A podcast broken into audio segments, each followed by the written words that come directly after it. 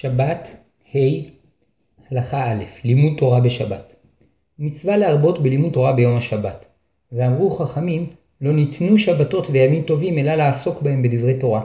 עוד אמרו חכמים, אמרה תורה לפני הקדוש ברוך הוא, ריבונו של עולם, כשיכנסו ישראל לארץ, זה רץ לחרמו, וזה רץ לשדהו, ואני מה תהא עליי? אמר לה, יש לי זוג שאני מזווג לך, ושבת שמו, שהם בטלים ממלאכתם, ויכולים לעסוק בך. עוד אמרו חכמים, כך אמר להם הקדוש ברוך הוא לישראל, בניי, לא כך כתבתי לכם בתורתי, לא ימוש ספר התורה הזה מפיך והגית בו יומם ולילה, אף על פי שאתם עושים מלאכה כל שישה ימים, יום השבת יעשה כולו תורה. מכאן אמרו, לעולם ישכים אדם וישנה בשבת, וילך לבית הכנסת ולבית המדרש, יקרא בתורה וישנה בנביאים, ואחר כך ילך לביתו ויאכל וישתה, לקיים מה שנאמר, לך אכול בשמחה לחמך, ושתה בלב טוב ינך. אמרו חכמים שצריך לחלק את זמן השבת, חציו להשם בלימוד תורה בבית המדרש, וחציו לעונג שבת של אכילה, שתייה ושינה. אמנם יש סוברים שרק ביום טוב החלוקה שווה, אבל בשבת שנועדה לתורה צריך להקדיש יותר ממחצית הזמן ללימוד התורה. אולם לרוב הפוסקים כוונת חכמים שגם בשבת יש לחלק את הזמן, חציו לתורה וחציו לעונג גשמי. יוצא לכאורה לפי זה, שחובה להקדיש כ-12 שעות וחצי לתורה, שכן משך השבת עם תוספת שבת הוא כ-25 שעות. אולם למעשה נראה שאפשר להקל שאותן 7 שעות שאדם צריך לישון בכל יום אינן בחשבון, הרי שנותרו 18 שעות, ומתוכן יש להקדיש כ-9 שעות לתורה, וכ-9 שעות לעונג שבת של אכילה, שתייה, ותוספת שינה של תענוג. ואף שעיקר העניין הרוחני של השבת נועד ללימוד תורה, נראה מדעת כמה פוסקים שאפשר להקל ולכלול בתשע השעות של תורה גם את שעות התפילה, ובתנאי שלא יאריכו מדי בתפילה. לפי זה יוצא שבפועל צריכים להקדיש לכל הפחות שש שעות בשבת לתורה, שיחד עם שלוש השעות המוקדשות לתפילה, יהיו תשע שעות.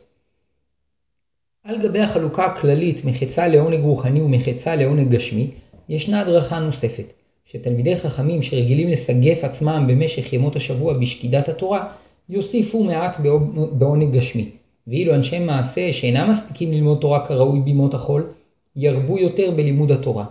וכן כתב הרמה, בעלי בתים שאינם עוסקים בתורה כל ימי השבוע, יעסקו יותר בתורה בשבת מתלמידי חכמים העוסקים בתורה כל ימי השבוע.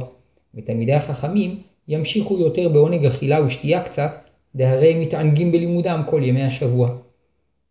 הטעם לכך שהשבת נועדה להשלים את האדם שלמות גמורה, ברוחניות וגשמיות, ואנשי מעשה שעסוקים כל השבת בעבודתם, זקוקים יותר להשלמה בלימוד התורה, ותלמידי חכמים שמתישים את גופם בשקידת התורה, זקוקים יותר להשלמה בעונג גשמי. מכל מקום, אלו ואלו צריכים לתת מקום נכבד לעונג שבת רוחני ולעונג שבת גשמי, שעל ידי חיבורם יחד הם מפרים זה את זה, והאדם מגיע לשלמותו וזוכה לעונג שבת עמוק ואמיתי. שבת, ה', הלכה ב', סדרי הלימוד בשבת. לימוד התורה בשבת צריך להיות בשמחה ותענוג, ולכן כתבו כמה פוסקים שאין ללמוד סוגיות מסובכות וקשות, מפני שבעת שהלומד אינו מבין את לימודו, הוא שרוי במתח וצער. לפיכך, נכון לחזור בשבת על דברים שכבר ידועים היטב, או ללמוד דברים בהירים ומובנים, כל אדם לפי רמתו. ואף תלמידי חכמים ראוי שילמדו בשבת סוגיות קלות שאין בלימודם יגיעה. ויש אומרים שאדרבה, ראוי ללמדנים ללמוד סוגיות קשות ולהעמיק בהן. כפי הנראה, אין כאן מחלוקת, אלא הכל תלוי באדם. מי שאוהב להקשות ולתרץ, יעסוק בסוגיות קשות, ומי שאוהב הבנות ישרות ובהירות, יעסוק בדברים מובנים. עיקר הלימוד צריך להיות בדברים שמדריכים את האדם לחיות את חייו כראוי, שנאמר, ולמדתם אותם ושמרתם לעשותם. וכן כתבו הפוסקים, שמי שיש לו שעות ספורות ללימוד, יקדישם ללימוד הלכה.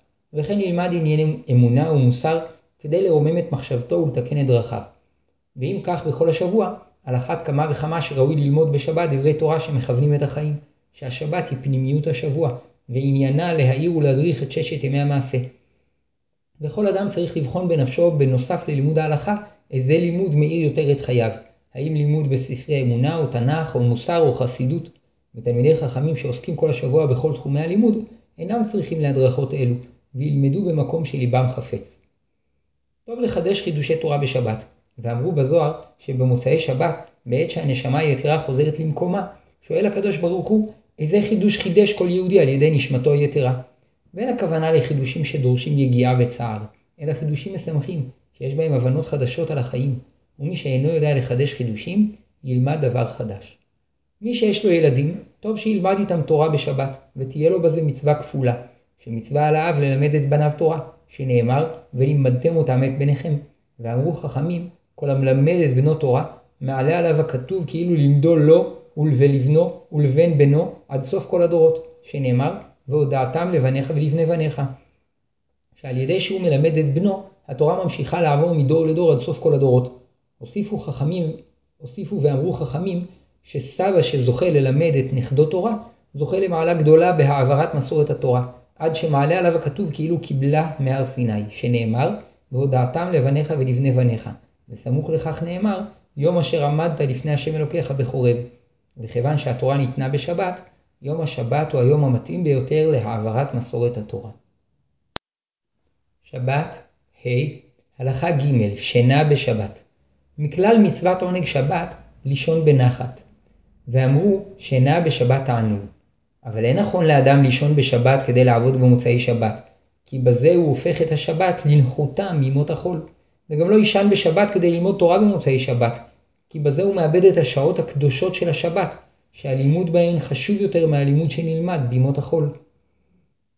כמו כן, אין נכון לאדם לעבוד יותר ביום חמישי ושישי, תוך מחשבה שישלים בשבת את שעות השינה שהחסיר, אלא להפך, מצווה להתכונן בימות החול לשבת, להכין בימות החול את מאכלי השבת, לנקות את הבית, לכבס את הבגדים, לרחוץ את הגוף, ובוודאי שבכלל ההכנות לשבת, להגיע אליה רעננים ולא מותשים, כדי שנוכל להתרכז בלימוד, לכוון בתפילה ולהתענג בסעודות כראוי.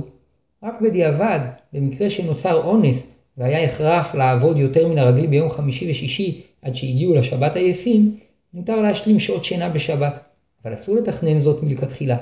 וכל מה שאמרו ששינה בשבת תענוג, הכוונה שאם אדם רגיל לישון בכל יום כשבע שעות, אזי בשבת יישן כשמונה שעות, כדי להיות יותר נינוח ויותר רענן. אבל לא התכוונו שיהודים יהפכו חלילה את השבת לשפחה של ימות החול, שישלימו בה את שעות השינה שהחסירו בימות החול. לגבי שינה בצהריים, לגברים, ישנם מנהגים שונים. הרמב"ם כתב שמנהג הצדיקים הראשונים שהיו משכימים בבוקר ומתפללים שחרית ומוסף, סועדים סעודה שנייה בביתם והולכים ללמוד בבית המדרש ברציפות עד לפנות ערב, ומתפללים מנחה וסועדים סעודה שלישית עד צאת השבת. ויש פוסקים שכתבו שהרגיל לישון בצהריים אל יבטל את שנתו, כי גם השינה מכלל עונג שבת. אלא שכמובן צריך להיזהר שהשינה לא תהיה מרובה, עד שלא יוכל להקדיש את השעות הנדרשות ללימוד, שכבר למדנו שלכל הפחות צריך להקדיש בשבת 6 שעות ללימוד התורה, ואם כן, ככל שאדם ישן יותר בצהריים, כך עליו להוסיף יותר לימוד בליל שבת לאחר הסעודה, או לפנות בוקר. צריך להיזהר שלא לאכול יותר מדי בסעודות, בסעודות, מפני שאכילה מופרזת מעייפת מאוד, וגם אין ממנה עונג אמיתי, כי רק בשעה שהמאכלים עוברים בחייך נהנים מטעמם, אבל לאחר האכילה חשים כבדות ועייפות, ופעמים רבות גם דיכאון, מפני שכל משאבי הגוף מגויסים לעיכול הכמות הגדולה מדי של האוכל. ולאחר אכילה שכזו, גם אין כוח להתרכז בלימוד, או לשוחח שיחה יפה ועמוקה עם בני המשפחה. לפיכך צריך להיזהר מאוד שלא להפריז באכילה, כדי שהסעודה וכל מטעמיה יוסיפו מרץ וחיוניות ללימוד התורה. ומי שבכל אופן מתעייף מן הסעודה, יישן מעט אחריה ויקום במרץ ללמוד תורה. שבת, ה' הלכה ד' דרשת השבת הקפידו ישראל לקבוע דרשה חשובה בשבת, אליה היו הכל באים, ובה היו הרבנים דורשים בענייני הלכה ואמונה. ותקנה חשובה זו יסודה בהוראת השם למשה בפרשת ויקל, אמר הקדוש ברוך הוא למשה, עשה לך קהילות גדולות ודרוש לפניהם ברבים הלכות שבת, כדי שילמדו ממך דורות הבאים להקהיל קהילות בכל שבת ושבת, ולכנוס בבתי מדרשות, ללמד ולהורות לישראל דברי תורה, איסור והיתר, כדי שיהא שמי הגדול מתקלס בין בניי. מכאן אמרו, משה תיקן להם לישראל שיהיו דורשים בעניינו של יום, הלכות פסח בפסח, הלכות עצרת בעצרת, הלכות חג בחג. אמר משה לישראל, אם אתם עושים כסדר הזה, הקדוש ברוך הוא מעלה עליכם כאילו המלכתם אותו בעולמו, שנאמר ואתם עדיי נאום השם ואני אל. אסור לקבוע סעודה בזמן הדרשה, ואמרו חכמים שזו אחת הסיבות לירידת אנשים עשירים מנכסיהם. ומשפחה אחת הייתה בירושלים שקבעה סעודתה בזמן הדרשה, ובעוון זה נעקרה מן העולם. סיפר רבי זירא שבתחילה חשב שאותם האנשים רצים לשמוע את הדרשה מחללים שבת, שאינם הולכים בנחת. אבל לאחר ששמע את דברי רבי יהושע בן לוי, שאמר לעולם ירוץ אדם לדבר הלכה ואפילו בשבת, היה רץ גם הוא לדרשה. כיוון שהדרשה נועדה לכלל הציבור, קשה היה להתאים את רמתה לכולם, והיו כאלה שכבר ידעו את כל מה שהרב עמד ללמד, והיו שלא הבינו את דבריו. ועל זה אמרו חכמים, אגרא דפירקא ריהתא, כלומר, עיקר שכר הדרשה על הריצה לקראתה, שעל ידי שאנשים רצים ומתקבצים לשמוע את הדרשה, נעשה כבוד לתורה, והשכינה שורה ביניהם, ומתוך כך הם זוכים להתחזק באמונה ולהתקשר יותר לתורה ולמצוות. מכל מקום, גם מי שאינו משתתף בדרשה, צריך ללמוד תורה באותה שעה, ובשום אופן לא יקבע את סעודתו או יטייל בזמן הדרשה. עיקר המגמ, מגמת הדרשה, ללמד את הציבור הלכה למעשה, ולהדריך את השומעים בדרכי השם, וכדברי חז"ל, ללמד להורות לישראל דברי תורה, איסור והיתר. פעם הזדמנו רבי אבאו ורבי חייא בר אבא למקום אחד. דרש רבי אבאו בענייני אגדה, ורבי חייא בענייני הלכה. עזבו רוב שומעיו של רבי חייא את דרשתו, והלכו לשמוע את רבי אבאו. הקפיד רבי חייא על כך, מפני שרבי אבאו שינה מתקנת הדרשה, שנועדה בעיקר לענייני הלכה. ואף שרבי אבאו ניסה לפייסו, לא התפייס.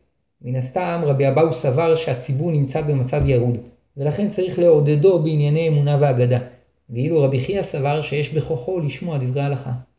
למעשה, הכל תלוי בקהל ובמה שהוא צריך להשלמתו, ובדרך כלל צריך לשלב בדרשה דברי הלכה וטעמיה יחד עם דברי אמונה ומוסר, וכך נהגו רבים מגדולי ישראל. על ראשי הקהילות מוטלת המצווה לחזק את לימוד התורה הציבורי בשבתות, ולקבוע שיעורים רבים ומגוונים לגברים ונשים, למבוגרים וצעירים, בהלכה ואגדה, בתנ"ך ותלמוד, כדי שכל בני הציבור יוכלו להשתתף בשיעורים. ובכלל זה צריכים להתחזק בקביעת דרשה מרכזית עבור כלל הציבור, כדי לתת כבוד לתורה ולבצר את מעמדה. שבת ה' הלכה ה' נשים בלימוד תורה בשבת. הבדל יסודי יש בין חיוב הגברים והנשים בתלמוד תורה. גברים, גם אחר שלמדו את כל ההלכות ואת כל יסודות האמונה, עדיין חייבים לקבוע עיתים לתורה, לחזור על תלמודם ולהעמיק בו. ולהם ניתנה הדרכה, לא ימוש ספר הזה, התורה הזה מפיך והגית בו יומם ולילה. ואף שבכל ימות השבוע כשעסוקים בעבודה יוצאים מידי תלמוד תורה בלימוד של פרק אחד ביום ופרק אחד בלילה, בשבת צריכים הגברים לקיים את הפסוק הזה כפשוטו, כפי שאמרו חכמים, יום השבת יעשה כולו תורה. אולם נשים אינן חייבות לקבוע זמן ללימוד תורה, אלא חובתן לדעת את הדרכת התורה לחיים, כדי שהתורה תאיר ותכוון את דרכן הן בצד ההלכתי והן בצד האמוני והמוסרי. ומי שמספיק לה לשם כך לימוד מעט, לימוד מועט, יכולה להסתפק בו, ומי שנזקקת ללימוד מרובה, חובה עליה להרבות בלימוד. והדבר תלוי באופייה של האישה, ומשתנה מתקופה לתקופה. היו זמנים שבהם לימוד מועט הספיק לרוב הנשים, וכיום שהחיים מורכבים יותר והחוכמה הכללית התרבתה, יש צורך שנשים תלמדנה הרבה יותר הלכה, אמונה ומוסר. והואיל ואין לנשים חובה לקבוע עיתים לתורה בכל יום ובכל לילה, ממילא גם אינן חייבות להקדיש את חצייה של השבת ללימוד תורה. אולם כיוון שהתורה משמחת גברים ונשים כאחד, מצווה שנשים ילמדו תורה בשבת, שהלימוד מכלל עונג שבת הרוחני. בנוסף לכך, נשים חייבות ללמוד הלכה ואמונה, וכיוון שיום השבת מתאים ללימוד התורה, שהוא מקודש ובו ניתנה התורה, ראוי לנשים לקבוע לעצמן לימוד בשבת בענייני הלכה ואמונה. אלא שמצד הדין, כיוון שאינן חייבות לקבוע עיתים לתורה, בשנים שהן טרודות בהשגחה ובטיפול בילדיהן הקטנים, אינן חייבות לקבוע עיתים ללימוד עצמי בשבת. אבל נשים שאינן טרודות בטיפול בילדים, ראוי שירבו בלימוד בשבת, ויעשו זאת בשמחה ובנחת. וגם נשים שטרודות בענייני הבית, ראוי להן לקבוע לימוד מסוים בשבת, וטוב שישתתפו בשיעור תורה, מפני שגם הן זקוקות להדרכת התורה.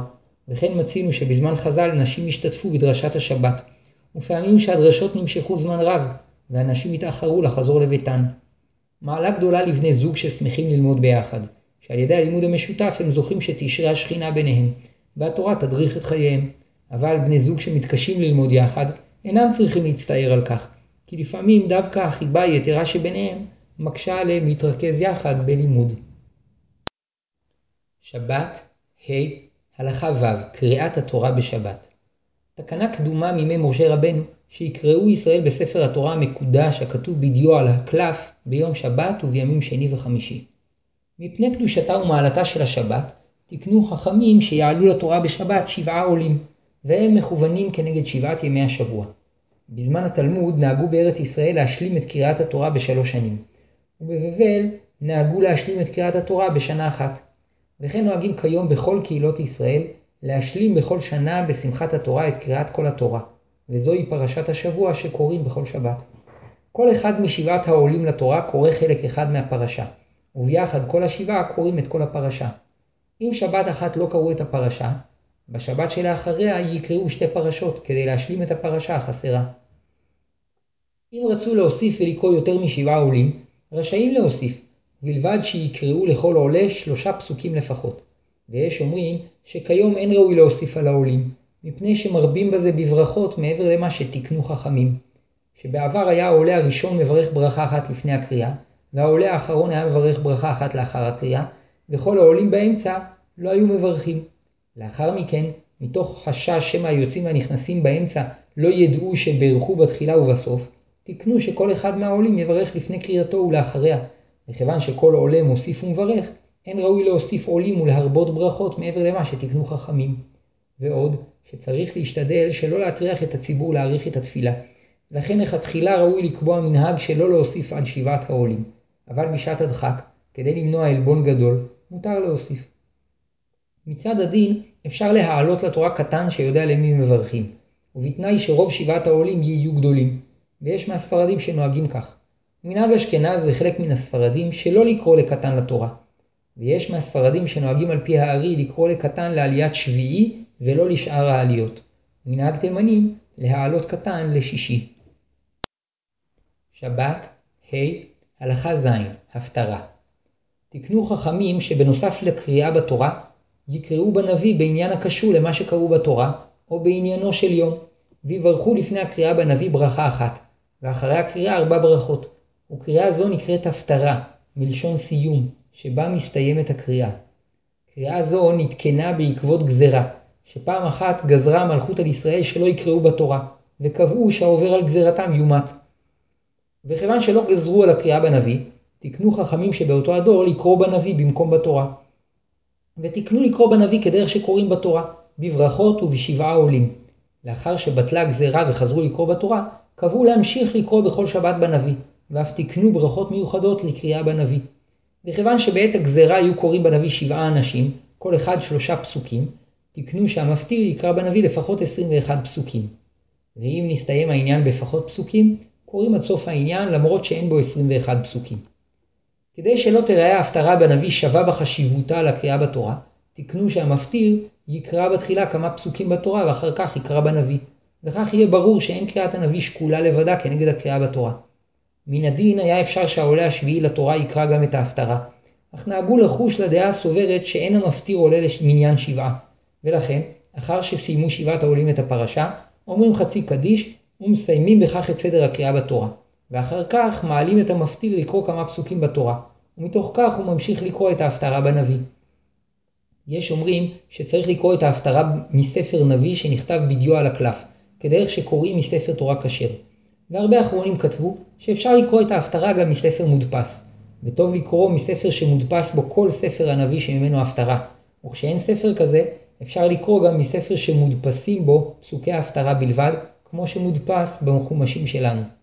יש נוהגים שכל הקהל קוראים יחד את ההפטרה, אולם נכון יותר שהעולה למפטיר או החזן יקרא לבדו בנביא, והשאר ישמעו את קריאתו, ומי שירצה לקרוא עמו בלחש רשאי, ובלבד שלא יפריע לשכניו לשמוע את הקורא. שבת, ה', הלכה ח', קריאה בתורה במנחה של שבת. בנוסף לקריאת פרשת השבוע בשחרית, תקראן עזרא הסופר שיקראו בתורה בתפילת המנחה. ומעלים לתורה שלושה אנשים, וקוראים את תחילת פרשת השבוע הבא, וכן קוראים בימי שני וחמישי. קריאה זו היא מעין הכנה והקדמה לקראת הפרשה של השבת הבאה. אמרו חכמים שטעם התקנה משום יושבי קרנות. יש מפרשים מפני אותם סוחרים ובעלי מלאכה היושבים בחנויות, שלא היו באים לתפילות שחרית בימי החול, ולא היו מתכוננים לקראת הפרשה הבאה בקריאה שבימי שני וחמישי. וכדי שישמעו קריאה זו לכל הפחות פעם אחת, תיקן עזרא שיקראו אותה גם במנחה של שבת, שאז הכל פנויים. עוד פרשו שהיה חשש שמא ישתכרו בסעודת שבת ויתבטלו אחר כך מתורה, ולכן תיקן עזרא הסופר לקרוא בתורה, במנח... בתורה במנחה, כדי שמתוך הכבוד לקריאה בתורה, יתקבצו כולם לבית הכנסת וימנעו משכרות ובטלה. ועל זה אמר דוד המלך לפני הקדוש ברוך הוא, ריבונו של עולם, אין אומה זו כשאר אומות העולם, שכל האומות כשעורכים סעודה שותים ומשתכרים, הולכים ופוחזים. ואנו לא כן, אף על פי שאכלנו ושתינו, אנו באים להתפלל, שנאמר, ואני תפילתי לך השם עת רצון, אלוהים ברוב חסדך, ענני באמת אישך. ולכן אומרים פסוק זה לפני הקריאה בתורה. שבת, ה', הלכה ט', שניים מקרא ואחד תרגום. בנוסף לקריאה בתורה שבבית הכנסת, תקנו חכמים לקרוא בכל שבוע את הפרשה, שניים מקרא ואחד תרגום. והעושה כן, מאריכים לו ימיו ושנותיו. בזמן שתקנו חכמים תקנה זו, המוני ישראל דיברו ארמית, וכיוון שהיו קוראים את התרגום הארמי שחיבר אונקלוס הגר, היו מבינים את הפרשה. במשך הדורות גלו ישראל למקומות שונים שבהם דיברו בשפות אחרות, והארמית כבר לא הייתה ידועה להמוני העם, והתעוררה שאלה האם אפשר במקום התרגום לארמית לקרוא את הפרשה עם תרגום לשפת המקום או עם פירוש רש"י.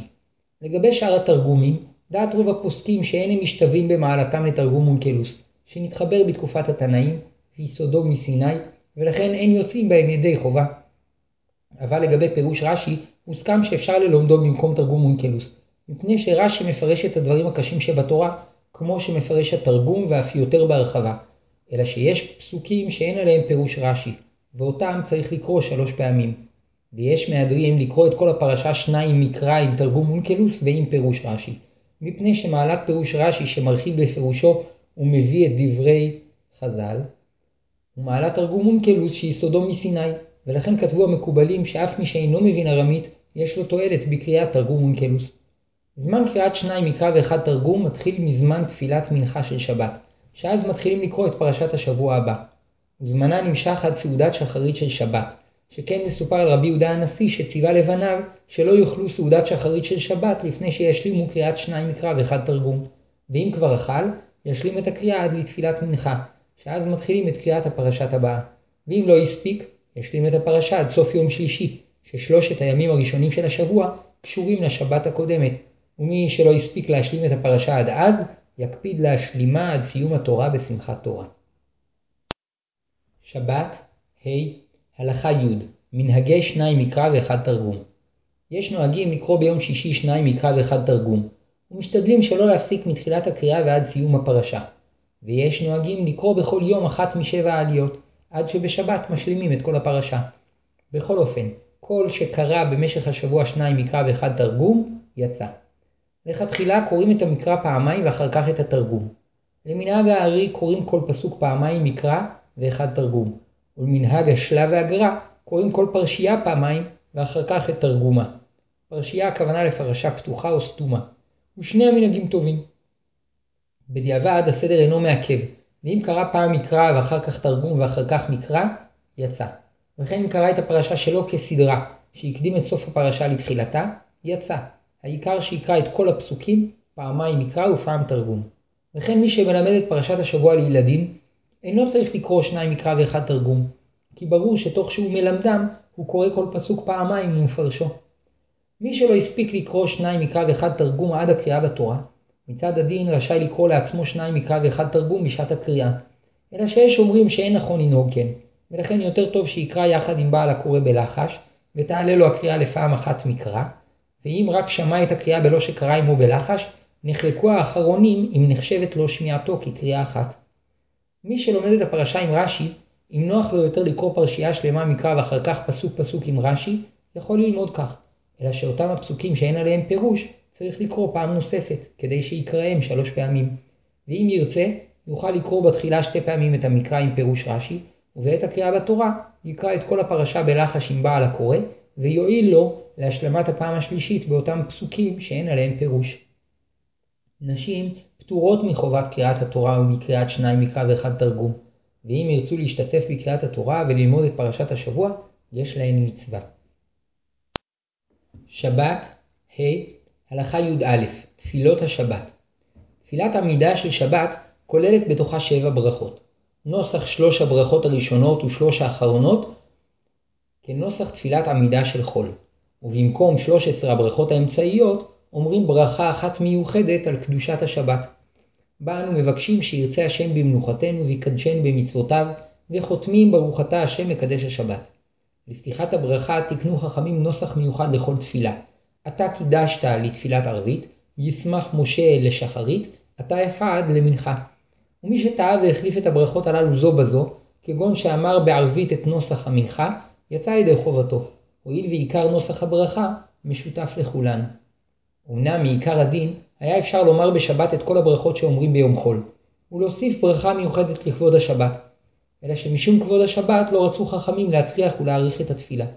ועוד שאין מתאים לבקש בשבת על ענייני השעה שעלולים לגרום לאדם צער.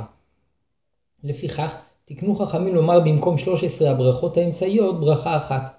אלא שאם טעה והתחיל לומר ברכות של חול ונזכר באמצע אמירת אחת הברכות שהיום שבת, מסיים את אותה הברכה, ורק אחר כך יחזור לנוסח השבת.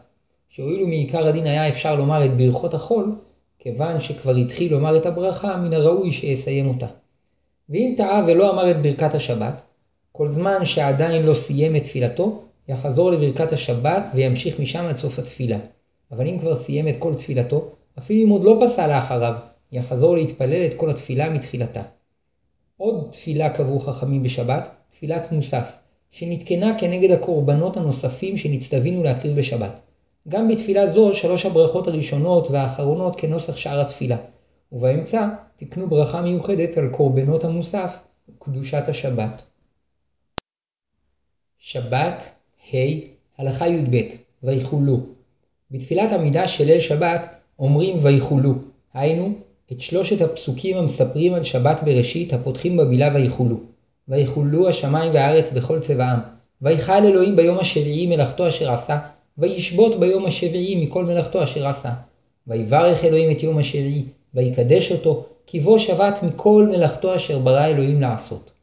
אמרו חכמים, כל האומר ויחולו בתפילת ליל שבת, כאילו נעשה שותף לקדוש ברוך הוא במעשה בראשית. מגמת הבריאה שיתגלה השם לעולם ומתוך כך יברך אותו, וזה עיקר עניינה של השבת. וכשיהודי מעיד על בריאת העולם ועל קדושת השבת באמירת ויחולו, הוא מגשים את מגמת הבריאה, ועל ידי כך מתווספת ברכה לעולם.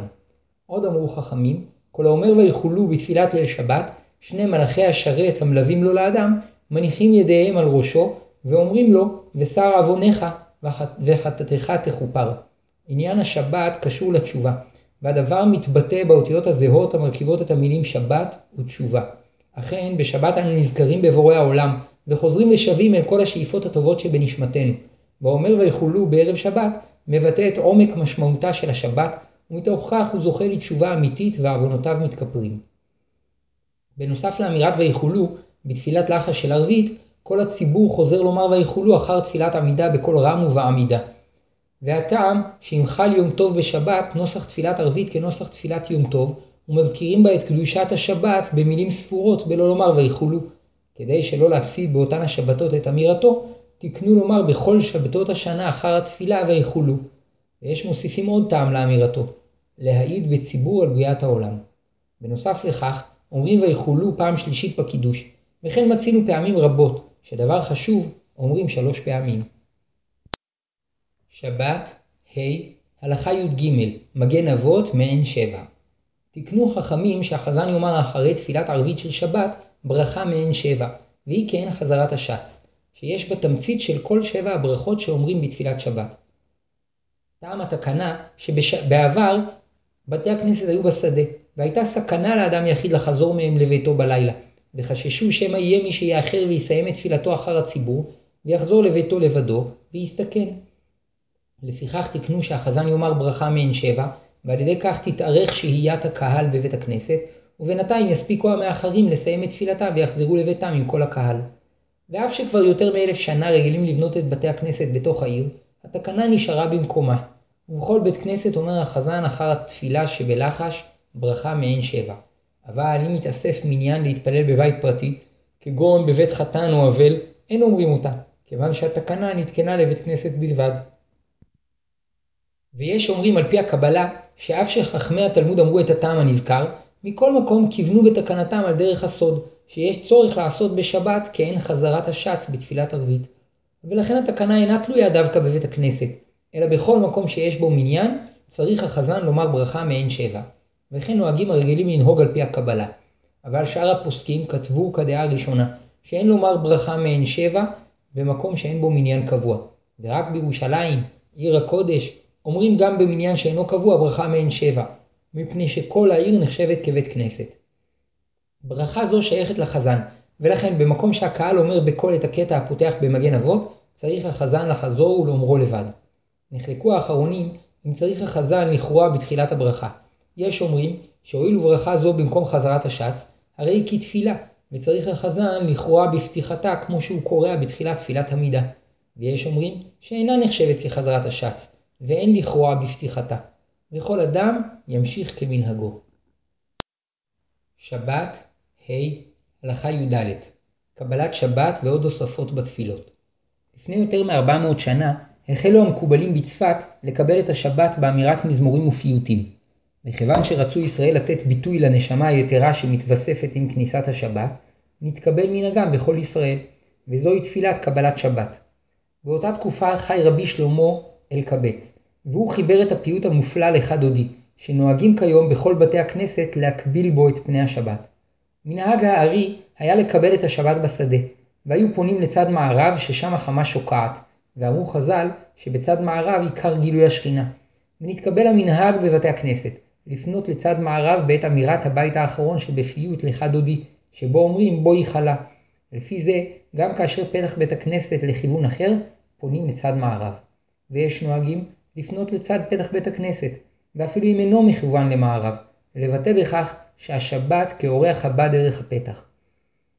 מנהג קדום מתקופת הראשונים לומר לפני תפילת ערבית פרק משניות במה מדליקין, שבסופו אמרו חכמים, שלושה דברים צריך אדם לומר בתוך ביתו ערב שבת עם חשיכה, ריסרתם, ערבתם, הדליקו את הנר.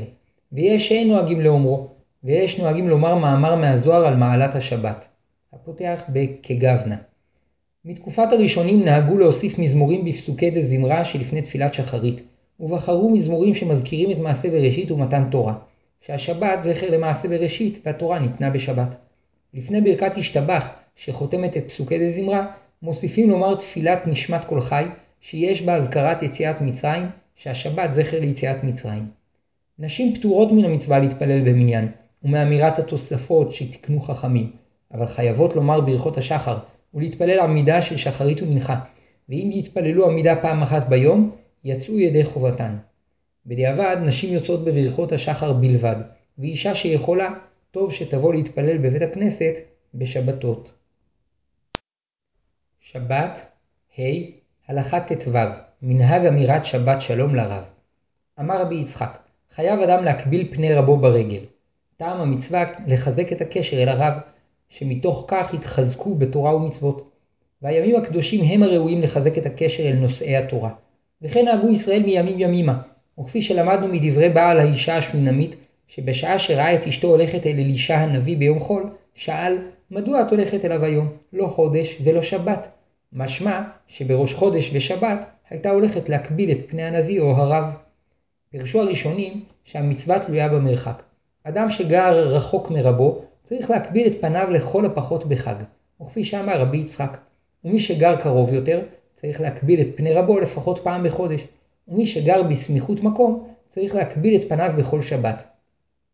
על פי זה נהגו כיום ללכת בסוף התפילה אל הרב לומר שבת שלום. ואומנם עיקר המצווה לבוא לשמוע את הדרשה של הרב, וכפי שלמדנו לעיל, אולם באמירת שבת שלום מקיימים את המצווה באופן הבסיסי, מפני שיש בכך ביטוי של כבוד לרב, ומתוך כך יזכו להיות מושפעים ממנו. הסביר הרב צבי יהודה הכהן קוק זצ"ל, שאף שנשים אינן חייבות בלימוד התורה על כל פרטיה ודקדוקיה, מכל מקום, מצד היחס הכללי אל התורה ואל לומדיה, עולות הנשים על הגברים. עובדה היא שלפני מעמד הר סיני, ציווה הקדוש ברוך הוא למשה לפנות תחילה אל הנשים, ואחר כך אל הגברים, שנאמר, כה תאמר לבית יעקב, אלו הנשים, ותגד לבני ישראל, אלו האנשים. ולכן לא מקרה הוא שהמצווה להקביל את פני הרב בחגים ובשבתות, נלמדת מהאישה השונמית, שכפי הנראה, היחס הכללי של הנשים אל התורה עמוק יותר מיחסם של הגברים, שהגברים עוסקים יותר בפרטי ההלכות והמצוות של התורה, ואילו הנשים קשורות יותר אל הרעיונות הכלליים של התורה.